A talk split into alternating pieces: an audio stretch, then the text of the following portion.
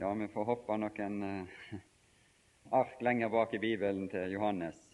Trekker noen tråder.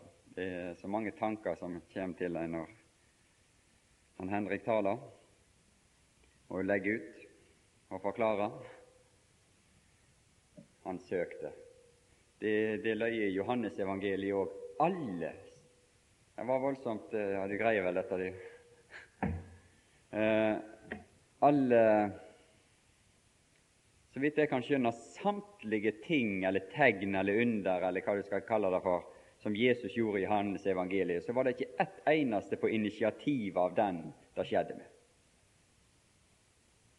Det kunne være at noen eh, gikk til han og sa at eh, 'sønnen min er sjuk'. Men ellers var samtlige det var noe han fant sjøl. Han gikk, og så så han. Der, der var en blindfødt, som satt der. Det står ingenting om at den blindfødte tok noe initiativ. Det står ingenting om at den sjuke der ved Betesta dam, som hadde lagt der i 38 år, uvirksom, at han tok noe initiativ. Ikke ett eksempel på det. Det var noen andre enn de som, liksom, eh, som ble gjenstand for disse inngrep ifra han, som alltid tok initiativ i Johannes. Det er noe merkelig med dem. Det er nok et særpreg kanskje ved, ved de tegn som er der. Jeg tenkte på det når han, det var han som søkte. Det er han som søker. Ja, du må søke Gud, sier vi. Hvis du skal bli berga, må du søke Gud. Ja. ja, det må vi, men det er han som har søkt. Det, det, det er slik det er, at det er hyrden som søker fårene. Liksom, Fårene går ikke oppi der og liksom begynner å tenke seg om at nå skal jeg til å prøve å finne hyrden min igjen når de har forvilla seg ut på en plass. Aldri, aldri hørt om en sau som har begynt å tenke sånn. Og det vi ser det gjennom helt i forbegynnelsen, så er det et uendelig det, det er den gode hyrde som søker det han har mist helt ifra Edens hage. Den, den endeløse historie av en Gud som søker å vinne det han har tatt. Vi leser helt ifra Edens hage. Og lykkelig den som har hørt denne røst, og, og vent seg til denne røst og, og, og liksom og fulgt ham. Og den røst Det sto jo der i, i 1. Timoteus at Der er en Gud.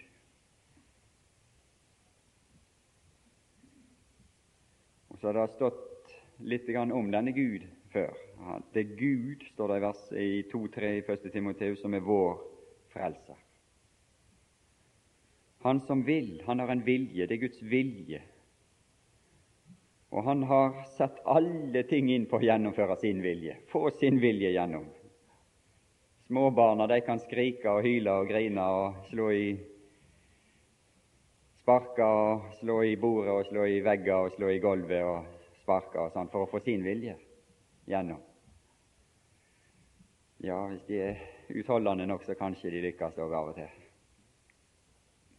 Men her er en som har gjort alt som han kan for å få gjennomført sin vilje med oss. Han som vil at alle skal bli frelst. Alle mennesker skal bli frelst og komme til sannhetserkjennelse, til å kjenne, til å vite noe om, til å kunne forstå og fornemme noe om de evige, usynlige, uforgjengelige, eneste ting som består for denne sannheten der, sannhetens erkjennelse, det er erkjennelse om den Gud som står om i 1.17, den evige konge.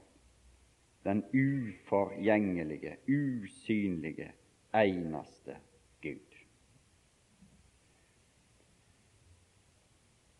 For det er én Gud og én mellommann mellom Gud og mennesker,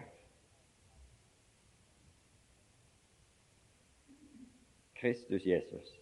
Ja, men det står altså mennesket Kristus Jesus. Og Det er det som er så underlig. Du kommer i kapittel 4 i Johannes. Så, så er det ei som spør ja, men hvem er han? Hvem er han denne? Det er han som taler med deg. Det, det, det, det er nok med det mest det er nok For meg er det noe av et høydepunkt i dette skrift, når han, han samtaler med denne kvinna, og så åpenbarer han for henne at det er han som taler med deg. Det er han som forklarer deg alle ting om Gud og de evige ting. Det er han som taler med deg. Og der satt han ved en brønn, trett av reisen, så det står. Mennesket Jesus Kristus. Og så talte han om de evige ting, slik som han gjorde. Og kom henne i møte på den måten han gjorde, og talte til henne på den måten han gjorde. Og Seinere også til denne blindfødte òg, når det begynner så smått å gå opp for han hvem Jesus er. Det er han. Hvem er han at jeg kan tro på han, sier han. Hvem er denne Guds sønn? Hvem er denne Messias? Hvem er han at jeg kan tro på han? Det er han. Det er meg. Det er jeg som står her. Det er jeg som har talt til deg. Det er som taler til deg. Og så har du reaksjonen i han. Han falt ned for han, står det i vår bibel. Og det, det uttrykket 'falt ned' det er akkurat det samme som uttrykket 'tilbe'. Så du kunne like godt sagt 'Han tilba ham'. Og Det kan du bruke når Jehovas vitner kommer, for det er helt utvetydig ordet for tilbedelse av Gud som er brukt der når den blindfødte etter å ha fått åpenbart og, og, og, dette, det er Han som taler med deg, det er Han som står her. Han falt ned for Han, det betyr Han tilba Han. Så det var litt av denne sannhetens erkjennelse vi skulle prøve å, å si litt om. For det er nemlig Guds lyst at den skal komme inn i våre hjerter. Gud har lyst til det. At sannheten skal fylle, skal oppta våre hjerter. Og det har en stor virkning. Det, det kan bevare oss fra synd når sannheten kommer inn der. Det fyller oss med ei glede som er av varende karakter. Og det får oss til å fungere, til å bli virksomme, som ikke ligger der som en lam i år etter år, som ikke kan utfolde noen ting som helst, men som vi kan stå opp og begynne å tre i funksjon og fungere. Individuelt, og i Johannes-evangeliet så, så, så er det, er det, en, har, det har et veldig individuelt preg. Det er den enkelte liksom vi ser Johannes tar ut, sier han, enkelte episoder for å forklare oss ting, for å, å få oss til å tro. Det er hvordan han kommer oss i møte, den enkelte. Men det er like klart, han fører dette fram. Det er for han kommer oss i møte som enkeltindivid for å få oss også til å fungere i et fellesskap. Et nytt bud gir jeg dere, at dere skal elske hver andre. Hver andre. Og vi har et lite lite sånn, eh, sånn historie òg i et kapittel, kanskje jeg kommer inn på det seinere, i kapittel 11 eh, der, når han går inn i et hus der det er et fellesskap, der det er en søskenflokk, der det er brødre og søstre som Jesus elsker, og hvordan han behandler disse, og hvordan han får tingene i det huset der til å komme på den rette plass og til å fungere igjen. Når det kommer inn forskjellige ting som gjør, det, eh, som, som gjør situasjonen vanskelig for oss. Det har eh, dette når sannheten kommer inn i våre hjerters innerste, så eh, har det en evne til å få bort splid og kjekkel og trette og, og, og eh, det som skjer da, er at kjød og det kjødelige får sin dom, og det åndelige kan komme fram og begynne å fungerer. Det som, eh, som kjødet har sin lyst i, det er nemlig å framføre meg og mine meninger og min tilhørighet og min person og Min praksis og det som jeg er, det er det eneste rette og det eneste saliggjørende. Og er det noe lite som avvik de andre gjør det på en litt annen måte enn jeg er vant med enn jeg tenker, så må det fordømmes. Vi fordømmer, så det står i bekjennelsen som eh, de mange bekjenner seg til her i, i, i, i uh, dette land. Uten å vite hva som står der, riktignok. Vi fordømmer. Ja, det er veldig lett for at vi fordømmer. Om ikke skriv det ned, skriv det ned. Så det er veldig lett for at det kommer opp dette i oss. Vi fordømmer de som ikke gjør det på akkurat samme måten som oss. Men når sannheten kommer inn og får, får fylle våre hjerter, så kan det bli litt av en annen art, og en del av disse ytre ting og disse synlige ting det får et annet preg, og vi får et annet forhold til det, som vi også ser her i Johannes. Det er ikke vektlagt noen ting av det ytre. Han beskriver ingenting om nadværen, brødsbrytelsen f.eks. Og han, han, uh, han, sier veldig lite om slike utvortes ting. Hans dåp er ikke skildra her, bare for å, å, nevne slike ting. Og, og, uh, men, men, men, det som er innholdet i disse ting, det er nevnt, og det er framført, og det er forklart for oss, kanskje tydeligere enn noen annen plass. Og læren, den rette lære, hva er det? Hva er den rette lære? Ja, når Jesus forklarer oss hva den rette lære. Det er bare å gå i Johannes 7, det, så kan du lese hva den rette lære. For der står det nemlig hva den virker og utvirker, og hvordan den ter seg.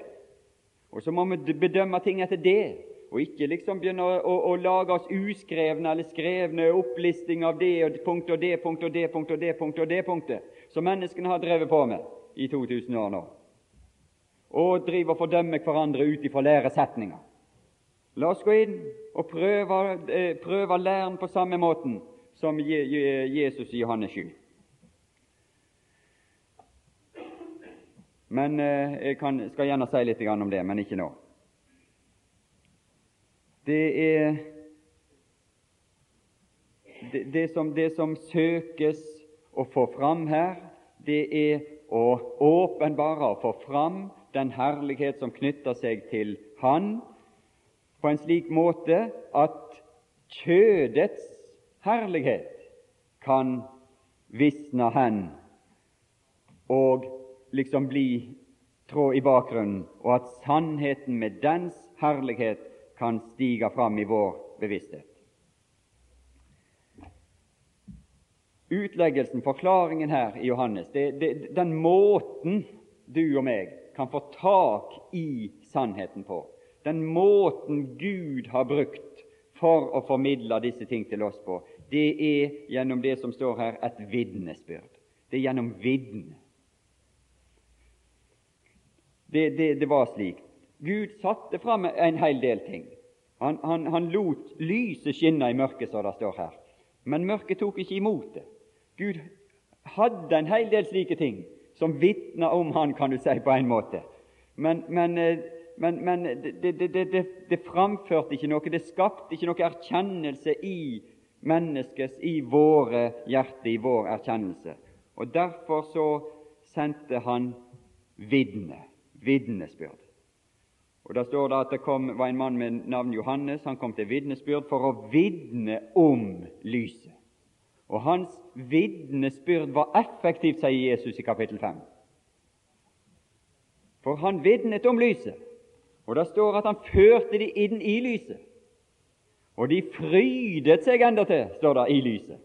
Vi tenker vel ikke på Johannes døperen som taler alminnelig, han som ropte ved, og hvem lærte dere å fly fra den kommende vrede, og altså sånne ting, og ved over fariseere og skriftlærde osv. Så Men Jesus sier her i kapittel 5 om, eh, om han, og da taler han vel også til disse, at dere Han var et brennende i vers 35, 5.35. Han var et brennende og skinnende lys. Eller egentlig kunne det stått lykt eller lampe der. Altså en bærer av lys, for han var jo ikke lyset, han. Men han var en bærer av lys. Han løfta opp lyset. Han var ei lykt, en lampe som bar lyset. Men dere ville bare en tid fryde dere i hans lys. De hadde fryda seg i hans lys en stund. De hadde fryda seg ved det han framførte. Men det det lyset der, og det det begynte å avsløre, og det begynte, det begynte å få fram, det ville de ikke ha med å gjøre i lengden, og derfor trekte de seg unna, og derfor så, så, så ble det ikke noe varende med de av den grunn. Fryde dere i Hans lys. Og så kom det et vitnesbyrd, et nytt vitnesbyrd, som var større enn Johannes' vitnesbyrd. Et vitnesbyrd, som Paulus sier, i sin tid, nemlig når Ordet, når den Herre Jesus sjøl trådte inn iblant oss i sitt kjød og åpenbarte herligheten for oss i sitt kjød. Det varte til ei tid, så blei dette tempel revet ned, og det blei det ble ødelagt, som det står. Bryt dette tempel ned, og det gjorde de. De brøt dette tempel ned. Men ikke for at dette tempelet skulle opphøre å eksistere og liksom gå til grunne, men det ble brutt ned som et synlig, åpenbart tempel i denne verden, og det ble gjenreist i det usynlige. Og, men det ble åpnet en adgang for oss inn til dette tempelet i den usynlige verden, for at vi kan få tak i sannheten sjøl om Hans kjød ikke er iblant oss i dag her og nå.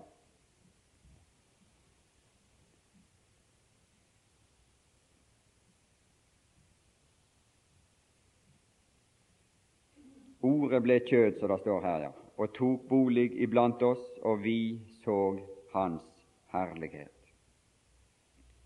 Og Så står det om denne herlighet at hva den bestod i. Det var en fylde av nåde og sannhet. Og Johannes vitner om ham. Han vitner om denne som kom inn og iblant oss. Og han sier for av Hans fylde har vi alle fått, og det nåde over nåde.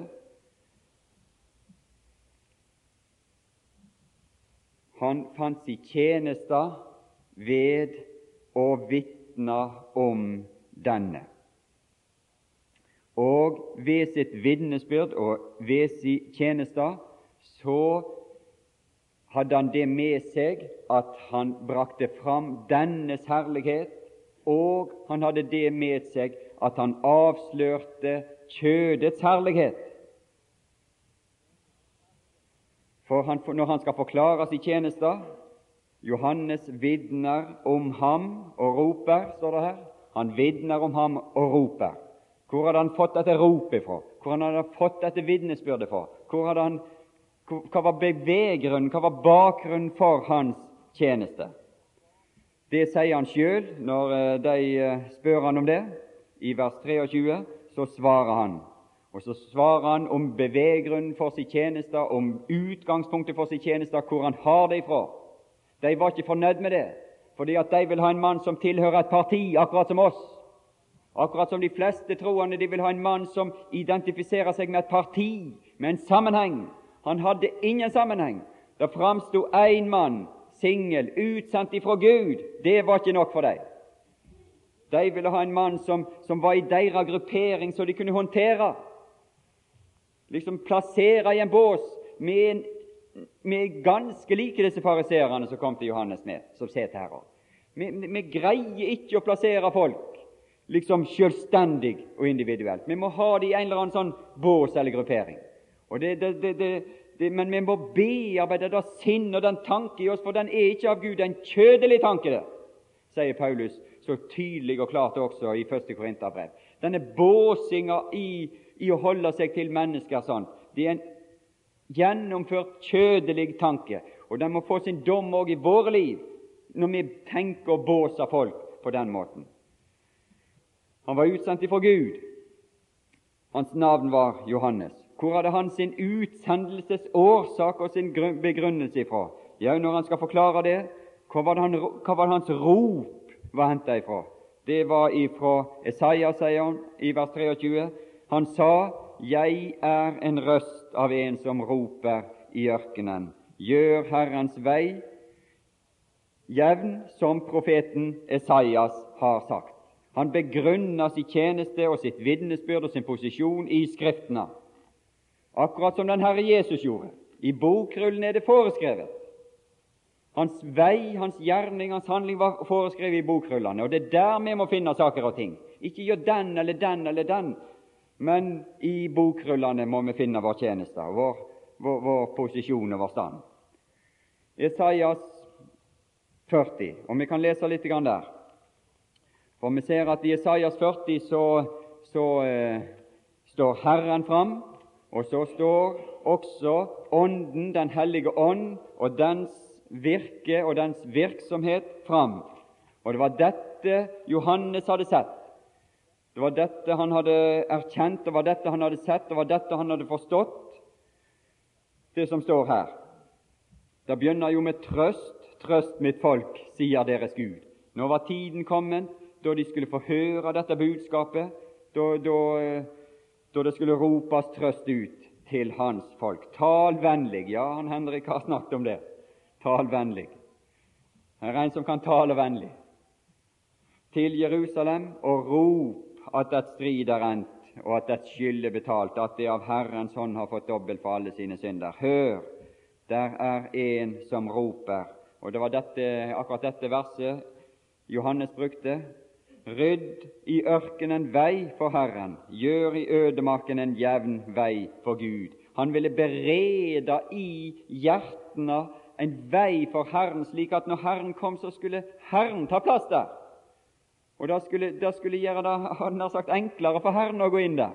Han skulle, kunne, han skulle rive ned alle hinder i form av daler og fjell og slike hinder som vi har, og så gjøre veien jevn for vår Gud. Hver dal skal heves, hvert fjell og hver haug skal senkes, det bakkete skal bli til slette og hamrene til flatt land. Og Herrens herlighet skal åpenbares. Og vi, sier han, vi såg hans herlighet. Den blei åpenbart for han, den blei åpenbart for de som tok imot, den blei åpenbart for de som trodde. Vi såg hans herlighet. Og alt kjød, det er målet. Og det, det målet skal òg gjennomføres, og det taler Johannes om, at alle skal se han. Og når han løftes opp, skal han dra alle til seg, og alle skal erkjenne hans herlighet. All kjød skal se det, for Herrens munn har talt. Han ordet Han har ikke bare talt nå, men det ordet som utgikk av Herrens munn, det er nå kommet ut som kjød, et, en skikkelse iblant oss. Han tok sin bolig iblant oss. Han satte opp sitt tabernakel, sitt telt, sin bolig iblant oss. Hør, det er en som sier 'rop', og en annen svarer 'hva skal jeg rope'? Hva skal jeg rope? Hva er budskapet? Jeg er ei røst, sier han. Jeg er ei røst av en som roper i ørkenen. Hva skal jeg rope? Ja, det er noe som må brytes ned. Det er noe som må, må, må, må få sin dom for at her, når Herrens herlighet, for at Herrens herlighet skal inntrå i våre sinne, i vårt hjerte, så det er noe annet som må få sin dom. Alt kjød er som gress, og all dets herlighet. For en annen herlighet enn Herrens herlighet som vil ta plassen her. Vi vil se noe annet herlig. Vi syns kjødet er så herlig. All dets herlighet. Kjødet har en herlighet. Og Johannes går inn i ei tjeneste for å vitne om lyset, for å vitne om den Herre Jesus, for om mulig å være med og bidra til at dette kjødets herlighet blir brutt ned, for at Herrens herlighet kan stige fram og bli åpenbart. Og da må det en aktivitet, en virksomhet til òg ifra Gud. Alt kjødet som gress, all dets herlighet som markens blomst. Gresset blir tørt, blomsten visner når. Ja, det skjer ikke automatisk. Det kan stå der i sin prakt, gresset. Det er noe som må til. Det må komme en vind. Det må begynne å blåse. Og det var det Johannes så. Og han så, og han vitna. Han vitna om denne. Det er dette jeg så, sier han. Jeg så Herrens ånd komme ned over ham. Og da, da ble det ikke mye igjen av kjødets herlighet. Når han ble gjenstand for virksomhet av den ånds vind. Når Herrens ånde blåser på det, ja, sannelig, folket er gras. Gresset blir tørt, og blomsten visner når Herrens ånde blåser på det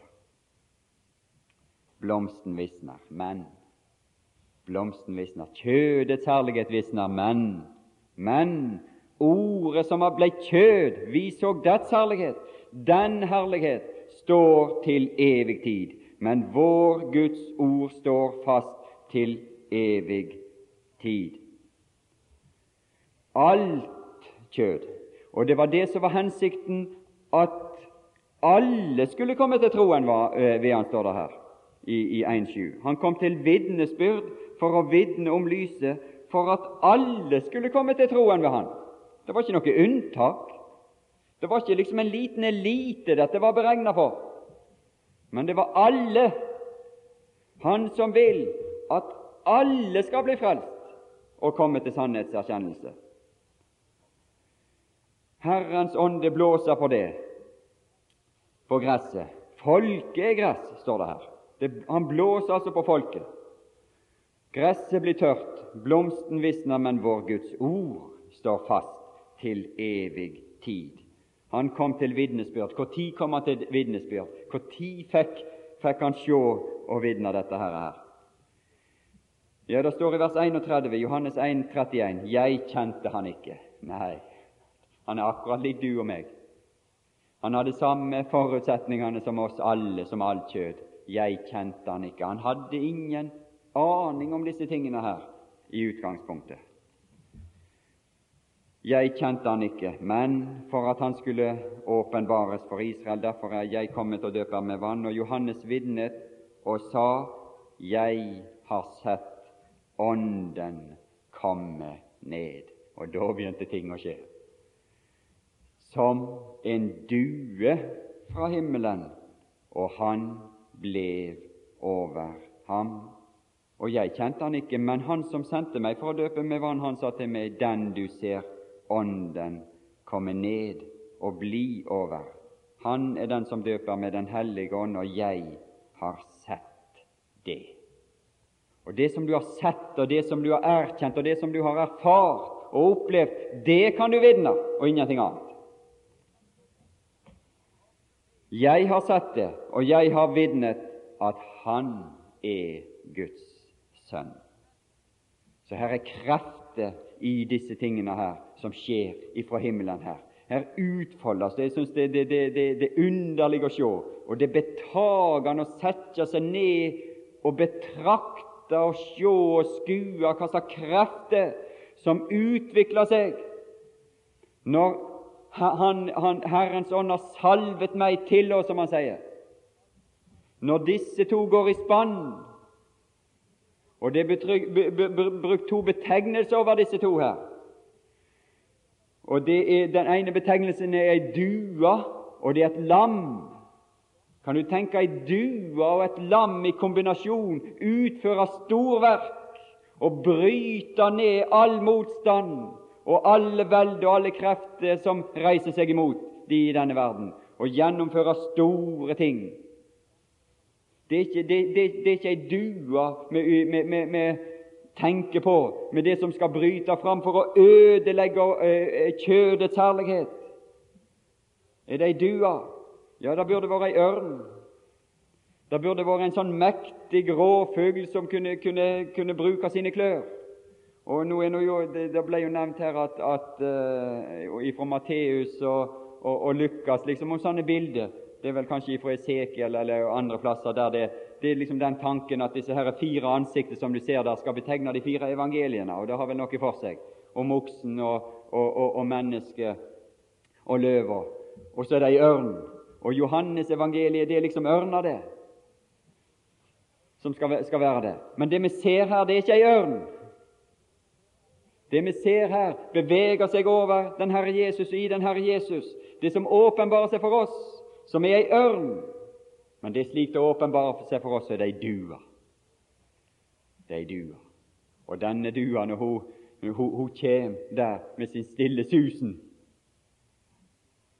så er den i stand til å få lufta til å bevege seg slik at alt kjød blir åpenbart som det det er, nemlig som gras og når den begynner å bevege sine strømmer imellom oss, så kan kjødet avsløres, og dets herlighet det, den visner, og det falt av. Og så stig ordet som ble kjød, Guds ord, stig fram i sin herlighet, og så blir den åpenbart. Jeg har sett det, og jeg vitner. Og gjennom hans vitnesbyrd, og gjennom Herrens vitnesbyrd, og gjennom hans apostler sitt vitnesbyrd, og gjennom våres vitnesbyrd oss imellom, så kan vi oppleve å få del i de samme ting. Så kan Ånden gjøre den samme gjerning i oss. Leste, Det sto i en avis at stormen forandra våre liv her. Det var på, i Sunnmørsposten, tror jeg det står. Det var liksom ettårsjubileum her nå i nyttårshelga for den store stormen som gikk over Sunnmøre. Så var det intervjua en familie eller noe sånt. 'Stormen forvandler våre liv', sa de. De hadde fått et nytt forhold til livet ved stormen. Ja, ja. Ja, men Gud var ikke i den stormen, sa Isaias. Det er det som er. Det var ikke Gud som hadde forvandla deres liv, det var noen andre ytre omstendigheter. Kunne ikke de la den milde susen kunne ikke folk la den stille susen, den milde susen, få lov å forandre sitt liv? For det er det som kan forandre livet. Det er det som kan gi meg et totalt nytt liv. Det er den stille susen, for der var Herren, og der åpenbarte Han seg. Og denne duen, når den kommer igjen på pinsedag, så, så, så, så farer den fram da, da blir den opplevd som noe veldig. Da utspiller det seg veldige krefter. Når det, seg disse, det, det var som et framfarende veldig vær. Og de begynte å vitne, og de begynte å tale, disse apostler der. Og det var ildtunge som satte seg på dem, og de begynte å tale. Det framsto et vitnesbyrd der. Og Peter begynte å forklare dem hva, hva dette var at dette var noe som Gud ville ha ut til alle. Dette er et vitnesbyrd som er for alle. Gud har utgitt sin ånd over alt kjød. Det er ikke begrensa til, til, en liten plass i Midtøsten lenger.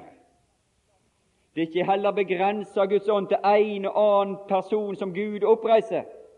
Det er for alle, over alt kjød, enten de er træla eller frie eller høye eller lave så er dette for deg. Så er dette noe for deg. Så har Han gitt dette for deg, for alle. Det er det, det, det, som er, tror jeg er hovedsaken i det som Peter sier der, når han tyr til Joel og for å forklare disse her over alt kjød, for å fortelle at det er ingen begrensninger tilbake i, i, i Guds ånds utgytelse lenger. Den er for alle, for deg, enten du er høy eller lav, enten du er rikt utrustet eller lavt utrustet etter naturen enten du er tre eller fri, enten du er nordmann eller jøde. Det er for alle. For alle. For at alle skulle komme til troen ved ham. og de vitna, og det virka et vitnesbyrd. Det de så, det de hadde opplevd, det virka i disse apostler et vitnesbyrd. Så begynner de med sitt vitnesbyrd, og da begynner de med Jesus fra Nasaret. De forklarer og legger ut historiske fakta for folket. Og han har Gud opphøyd. Og det skal Israels hus vite for visst, at denne har Gud utvalgt, og denne har Gud opphøyd. Hvordan vil du forholde deg til disse historiske kjensgjerninger? Og Det er litt interessant å lese disse forskjellige tallene i apostelgjerningene. Disse vitnesbyrd i apostelgjerningene. For de, de, de, de, drar fram og legger fram for oss historiske fakta. De er ikke opptatt med, med, med sine egne følelser, tanker og opplevelser i den forstand. Men de framlegger historiske faktum. Og ordet vitne og ordet vitnesbyrd betyr først og fremst å legge ut og forklare det som er en historisk begivenhet. Det er et uttrykk som er hentet fra rettssalen, og det eneste de er interessert i rettssalen, det er ikke hva du verken mener eller tror eller tenker eller føler eller liksom sånn om den og den saken, men det som skal fram i retten når et vitne står fram. Han skal forklare og fortelle nøyaktig det som har skjedd, og det som han har observert. Og Det er det, det, det, dette vitnesbyrdet som er trengt det, det på en måte trengt tilbake denne art av vitnesbyrd er trengt tilbake fra det som går liksom på mer det personlig følelsesmessige og slike ting. Og det er greit. Og Herren kan berøre våre følelser, berøre vår personlighet og gjøre oss glad. Det skulle bare mangle at han ikke kunne det. Og det skulle bare mangle at vi som troende mennesker ikke skulle være glad og vise glede og, og, og, og slike ting. Det er ikke det. Men, men det er liksom vitnesbyrdet det som i Skriften kalles for et vitnesbyrd, så er det liksom de historiske faktum å få fram dem, og så kan det skape en virkning. For det er merkelig at denne enkle talen til Peter han kunne skape et stikk i hjertet. Framleggelsen av disse historiske faktum skapte et stikk i hjertet for folket. De må forholde seg til denne personen, til det historiske saker og ting og faktum. Og han kom inn i verden her. Ordet ble kjød, og han hadde sin virksomhet her. Og det er gjennom hans virksomhet her, og det er ved å prøve å sette oss inn i denne virksomhet her, at vi kan bære disse tingene videre fram og ut i våre omgivelser. Og det hadde en veldig virkning. Hans virke, hans vitnesbyrd, hans gjerninger, det som han var her i denne verden. Og han var synlig, tilgjengelig for folket her. Og det er det som åpner for oss sannheten, også den virkelige verden, der han nå sitter i den usynlige verden, den evige verden, i sin herlighet der. For det tempel, det, det kjød som han tok bolig i, og som han var iblant oss i, det blei brutt ned, står det her. Det brøt det ned. Men de kunne ikke ta bort hans herlighet. De kunne, ikke, de kunne ikke bryte han ned på den måten at han forsvant og ble gjort til intet. Men han gjenreiste det, står det her, på tre dager. Og for, for vår del så er det om å gjøre å få tak i disse tingene her, som, eh, som, som han er, og som han var. Det er disse krefter som utspiller seg i dette lam Tenk et lam som bærer. Det er jo ikke et bæredyr. Det er jo ingen som finner på å kløvje et lam. Kløvkompaniet de, de, de, de, rekrutterer ikke lam rundt om på gårdene. Men, men han, han, var i stand til å bære. Se der Guds lam som bærer. Det, det, det er liksom brudd med all vår menneskelige tankegang, dette. Måten den mektige framstår på i denne verden. Et lam som bærer. Det han, når han sier det i Johannes der inne i 1,29 Se der Guds lam som bærer verdens synd. Ei veldig bør. Det er om ham, om hvem jeg sa etter meg kommer en mann som er kommet foran meg. Altså Det var han står det, som han sa dette om i vers 15. Johannes vitner om ham, det ordet som blei kjød og tok bolig iblant oss, og vi så hans herlighet full av nåde og sannhet. Og så ser han han gå der, se der Guds lam som bærer verdens synd. Det er om ham, om hvem jeg sa. Han bar det bort, han tok det bort. Han, han, han tok det opp, og han bar det bort i det, bar det idet han tok det bort. For ordet å bære der, det, betyr, det, det, det er akkurat som å bære bordet. altså Du, du løfter opp tallerkenen, så tar du han opp, og så bærer du han bort. Og det er det som ligger i det ordet der. Han tok det opp og løfta det opp og bar verden synder bort. Derfor står det i Nynorskbibelen han tek bort hver i sin synd.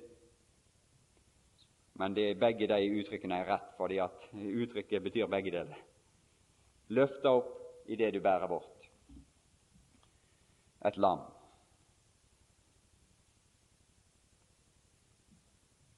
Og disse krefter er det som også er tilgjengelig for meg og deg når vi begynner å bli betrakta dette og ta inn dette, og dette kan komme inn i vårt hjerte og bli en del av vårt. Så helt i forbegynnelsen så blir disse krefter tilgjengelig for oss.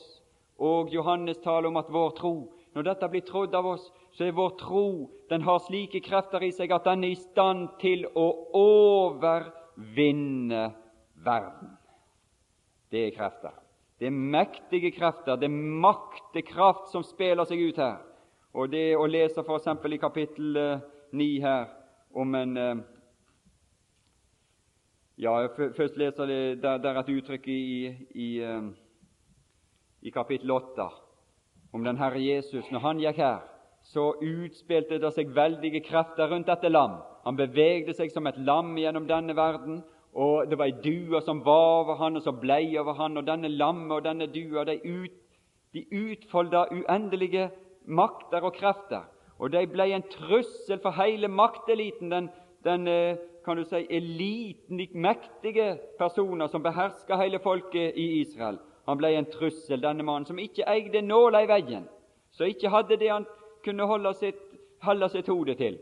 Jeg vet ikke hva han stakkars Jesus skulle gjort hvis ligningsvesenet hadde avkrevd han sjølmelding. Hva skulle han skrive som adresse? Hva skulle han skrive som formue? Han hadde vel litt inntekt, for det var noen som gav han noe, sånn at han, han greide seg. Og de greide seg sikkert bra. Det ser ut for det, for det var noen kvinner var, som tjente han med sitt gods. Så han hadde vel litt å føre opp på inntektssida, og betalte sin skatt av det han skulle betale sin skatt av. Men han hadde jo ikke fast adresse, mannen. Ville blitt, de ville jo lurt på om han var helt skrullete her i landet nå. Og ikke hadde han formue, ikke bopel, ingenting. Han hadde ikke det han kunne holde sitt hode til. Ikke hadde han utdanning, ikke hadde han gått på skole, ikke hørte han til i noe som helst selskap. Ingenting sånne ting gode hadde han. Og denne mannen var da disse opplevde som den største trussel for sin makt og sin autoritet og sin innflytelse, de skriftlærde og fariseerne. Og denne mannen må, denne mannen må vi se og få rydda av veien, for han, han, han, han er en trussel for, for, vår posisjon. Nå står dere i Johannes 48, nå står dere meg etter livet, et menneske som har Ja, hva var det han hadde? Han hadde sagt i sannheten. Han hadde åpenbart ting fra en annen verden og du ser den mektige Pilatus, skjønt han var jo en ynkelig person på mange måter, men han representerte stormakten, det uimotståelige veldet. Det var ingen som turte å opponere det minste grann imot mot det, det mektige romerske veldet på den tid. Og når han sa det at 'mitt rike er ikke av denne verden'. Jeg er konge, men det er ikke av denne verden. Da ble han enda mer redd, står det. Han ble enda mer redd. Den romerske representant opplevde å bli redd i møte med en bunden mann som ikke eide nåla i veggen. Hva var det? Han opplevde det at det var noe, som, det var noe med denne han representerte noe, han representerte krefter fra en annen verden. Jeg er født og dertil kommet til verden at jeg skal vitne for sannheten. Ja, så er du da konge. Ja, jeg er konge, men mitt rike er ikke av denne verden. Denne gode bekjennelse som han vitnet for Pontius Pilatus, som Paulus taler om, den skapte redsel Og ved et ny anledning så står det at han ble enda mer redd. De ble redd for han, disse som ikke falt ned for han, disse som ikke tok imot han, disse som avviste hans vitnesbyrd, disse som avviste den Gud som vil at alle mennesker skal bli frelst og komme til sannhetserkjennelse. Det blir skapt en redsel. Nå står dere meg etter livet et menneske som har sagt dere sannheten som jeg har hørt av Gud. De måtte rydde han av veien. Og Så ser vi i kapittel 9 denne herre blindfødde som begynner å bare si de enkle ting. Han sa ingenting annet enn det han hadde sagt, det han hadde opplevd at Jesus sa til ham. Og så må disse herre skriftlærde, disse sprenglærde folk, disse mektige folk Det var en tigger de hadde for seg, en mann som måtte tigge til sitt levebrød. Han var født blind, hadde ingen muligheter. Det eneste han kunne håpe på, var almisse når de gikk forbi ham på veien.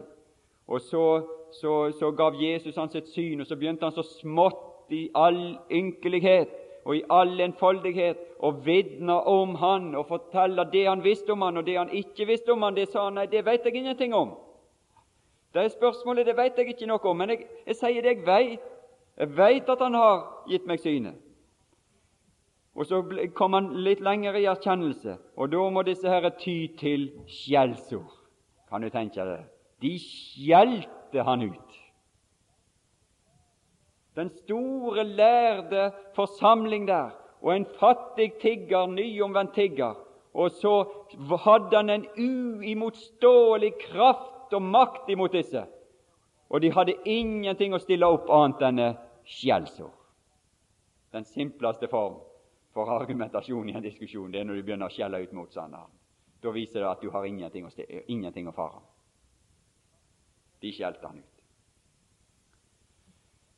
I vers 28. Johannes 9, 28. Og de forakta han. De kastet han ut, sa Ja, ja, av barns og die barns endatil munn har du beredt deg lovprisning, en makt. En makt. Ja, som vi kan fortelle om den Herre Jesus, det vi veit, så langt vi veit. Ja, om han er en synder eller ikke en synder, det veit jeg ikke, sa han. Men jeg veit at han åpna mine øyne. Ja, og så kom Jesus han i møte, og så vil Jesus komme oss i møte når vi er interessert når Jesus fikk høre at de hadde kastet han ut, og så sa han, 'Tror du på Guds sønn?' Herre, hvem er han da, Herre, så jeg kan tro på han? Du har sett han, det er han som taler med deg. Han er det. Jeg tror, Herre, og så tilba han.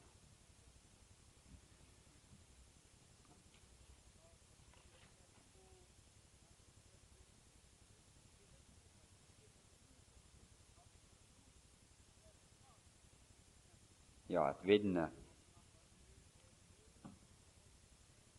Vi ser eh, Ja, jeg tenkte å si uh, gå inn i en del sånne enkeltsaker her, men jeg bare si bitte lite grann nå før vi beveger oss sakte og sikkert opp til middag. I Johannes evangeliet så framstår Jesus som en utsending, som en utsendt som en frelser, som en Messias for folket. Og han framstår på mange måter på samme måte som Moses en gang i tiden framsto for det samme folk. Og Når eh, Johannes skriver dette, for loven ble gitt ved Moses, så, så eh, går han tilbake til noe de kjente ved, og den herlighet og den nåde og alt det som dette folk hadde fått gjennom Moses, og det som Gud hadde gitt dem av forskjellige ting gjennom Moses. Men nå sier han nå er det, er det kommet den neste utsending, han som Moses har vitnet om.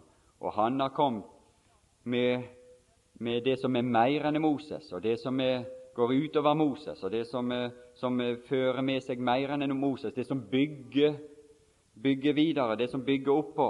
Og det, det, Når det står at at uh, vi og vi, av Hans fylde har vi alle fått, og det er nåde over nåde.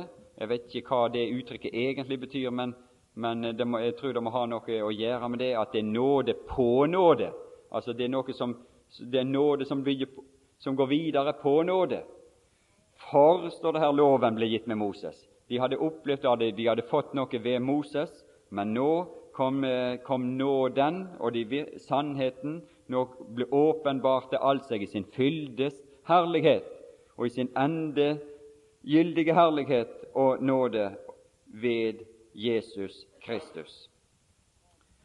Så var det spørsmål hva de skulle gjøre med denne som kom og presenterte seg som utsendingen ifra Gud, utsendingen ifra himmelen.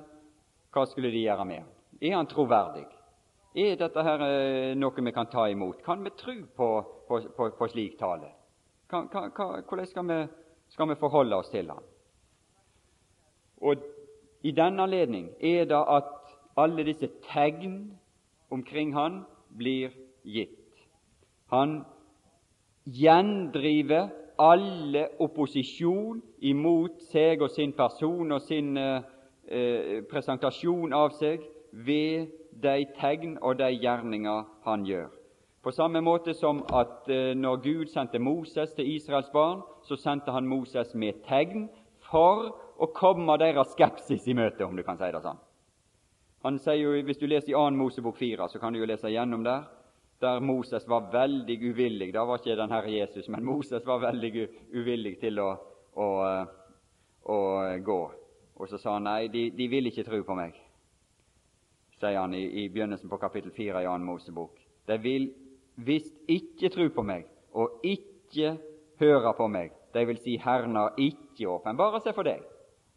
Og Det er akkurat dette her, det er det samme vi ser fariseerne og de skriftlærde kommer Jesus i møte. Nei, Gud har ikke åpenbart seg for deg. Vi vil ikke tro på deg. Vi vil ikke høre på det du har å si. Nei vel, sier Jesus, det er greit, da. La være å tro på meg. La være å tro på det jeg sier. Men tru på grunn av de tegn og de gjerninger som følger med meg. Og det sa, sa Han gav Moses to tegn her, og i vers 8 så sier han om de nå ikke tror deg eller akter på det første tegn. Og det står om det første tegn som Jesus gjorde. Dette sitt første tegn gjorde han åpenbart sin, sin, eh, sin eh, herlighet i, i Kana der. Og, i slutt, og, så vil de da visst tro på det andre tegnet. Og når han kom tilbake dit, så gjorde han dette sitt andre tegn, står det i slutten på kapittel 4. Men Gud visste hvor tregt det var, og hvor vanskelig det var å få overbevist dem. Men tror de ikke engang på disse to tegn, da vil de ikke høre på deg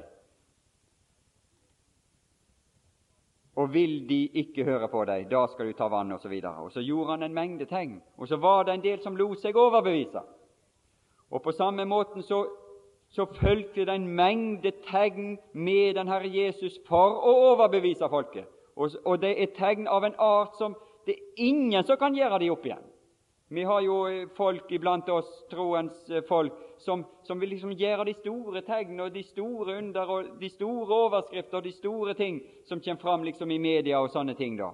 Men jeg har ikke sett noen i nærheten av de tegn som vi ser utfolda for oss i Johannes. Jeg har aldri hørt om noen som har, har sett vann på bordet, og så når de tar det opp, så er det vin. Aldri hørt om det. Jeg vil gjerne være sammen med den som gjør den gjerning der. Den vil jeg gjerne se. Jeg har aldri hørt om at det er 10 15 20 000 mennesker som samler seg i ørkenen, og så har de, har de noen fisker og to-tre brød. Og så sier 'gå løs og server'. Jeg har aldri hørt om noe sånt. Har du? Disse som vil gjøre større ting enn Jesus på den måten, og forstå det ordet på den måten. Har du sett noen som er i nærheten av noe sånt? Jeg har aldri sett det. Jeg vil gjerne være i lag med den mannen som hevder at dette kan han gjøre. I hvert fall ikke når han gjør det. Det vil jeg gjerne gjøre. Eller det er uhørt, sier, står det der i, i, i, om en blindfødt. En som var født blind, en som ikke hadde muligheter for å se. En ting er at, kan, at du kan få, få synet tilbake i en som har sett at det kom til en sykdom, eller noe sånt, men her var noe som var medfødt. Det er uhørt ifra verdens begynnelse at en blindfødt er, har fått sitt syn igjen. Jeg har aldri hørt om sånne ting. Jeg så det var en som, eh, De, de, de spurte f.eks. dette her som de kaller for Down syndrom. Eh, vi kaller det vel for mongolide. De har bedt for utallige slike. Det ikke, finnes ikke ett eneste vitnesbyrd på et sånn slik medfødt sykdom, en slik medfødt svakhet, har blitt helbredet. Ikke ett eneste eksempel finnes det på det, og det er gjort grundige undersøkelser i alt som er skjedd i Amerika, og i Asia og i Europa, altså sånne ting, av, av folk. Og det er ingen som har turt å hevde at de har gjort det heller. En medfødt sak. Ingen. Men Jesus gjorde ting. Han ordna opp også i medfødte ting med sine tegn. Og, og, og en, en, en, en, mann som har vært lam i 38 år Hvordan så han ut? Hvordan var muskulatur? Hvordan var alt? Han hadde lagt der i 38 år og ikke beveget på seg. Og han spretter opp som et sprettball og går der, tar senga si og går. Momentant. Hele muskelapparatet og alt det er restaurert i et nu, i et øyeblikk. Det er ingen som har gjort det etter han. Og Slik kan du ta de, de, disse her ting som er tatt fram spesielt i Johannes. De er av en egen art, en egen ting som ditt, Og Johannes sier han at han gjorde en mengde ting. Han har gjort en mengde ting som ikke er tatt med, sier han i Johannes 20 der på slutten av det kapittelet i to siste versene der. Men disse få er tatt med for at dere skal tro og få liv. For det er det vi trenger. Vi trenger å tro og få liv. Og vi trenger da å bli overbevist om at dette er Han som skulle komme. Og det burde disse fariseere blitt. For Moses hadde klart og tydelig i 5. Mosebok 18 og vers 15-19 Jeg leser ikke det nå, fordi at nå er tiden gått. Men du kan lese hvis du vil sjøl. I 5. Mosebok 18 og vers 15-19 så hadde Moses klart og tydelig sagt at det skulle komme, og det skulle framstå en etter han som skulle overta for han, som skulle overta hans posisjon, og som skulle, skulle, eh, skulle ta over for han, og så de skulle ta imot som utsendingen, den utsendte ifra himmelen. Men disse nekta. De hang fast i dette her gamle, og de hang fast i disse tingene her, og de nekta når han kom, å ta imot han til tross for hans store gjerninger. Og De hadde problemer enda til hans egne disipler. Og, og han sier til de der da i, i kapittel 14, i, i, vers 11.: Tro meg at jeg er i Faderen, og Faderen i meg. Men hvis ikke Selv hans egne, sammen med de her siste kvelden. Men hvis ikke, hvis de har problemer med det, hvis ikke, så tro det dog for selve gjerningenes skyld. Har noen gjort noe som i nærheten av denne person? Aldri! Det har aldri forekommet i historien, verken før eller etter, at noen har gjort noe som i nærheten. Så han er all grunn til å tro på at han er den han utgav seg for å være Guds sønn, verdens frelser, han som vil komme oss i møte og åpenbare sin herlighet for oss og gi oss liv, ta oss opp og gi oss salighet og ta oss inn i sitt samfunn, slik han viser på sånn forunderlig måte med både den samaritanske kvinna og, og, og, disse andre som han kom i møte. Enten det er Nikodemus i det partiet, eller det er den usleste vesen, den mest, mest unnselige skapning, ei fallen kvinne i Samaria, dette forakta folk. Han behersker alle folk, alle personer, alle typer, alle som vil komme til han og tro på han. Ja, Herre Jesus, det vil vi takke deg for, det at du har en sånn uendelig rekkevidde og en sånn uendelig favn og et sånt uendelig stort hjerte, mye, mye større enn vårt. Det rommer alle, du som vil at alle skal bli frelst, uten unntak, uten noe. Du ville komme oss alle i møte. Herre Jesus, vi er så begrensa på mange måter. Vi føler oss så maktesløse med å få ut disse tingene her. Det er liksom, Vi synes vi ofte er så få. Herre Jesus. For gi oss nåde til å bli tilfreds med deg og betrakte din storhet og din rikdom, og kanskje vi kunne begynne å fungere litt grann både iblant brødre og søstre og iblant den fortapte verden som er ferdes iblant. Du ville gjerne kanskje ha noen av oss til å vitne enten det var noe for deg som har et mål som taler det norske mål. Du ville sende noen også til deg som taler det norske mål, som taler Karmøy-dialekt eller sørlandsdialekt eller bergensdialekt eller sunnmørsdialekt eller hvor de måtte være ifra i landet.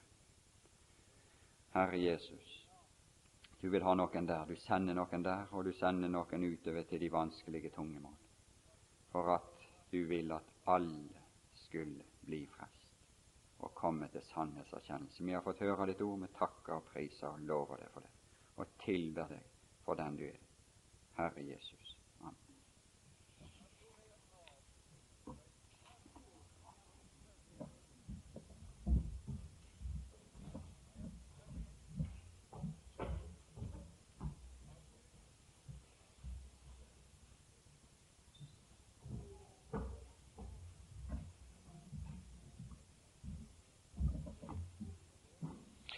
Ja, vi skal stoppe der i formiddag. Det er middag klokka ett.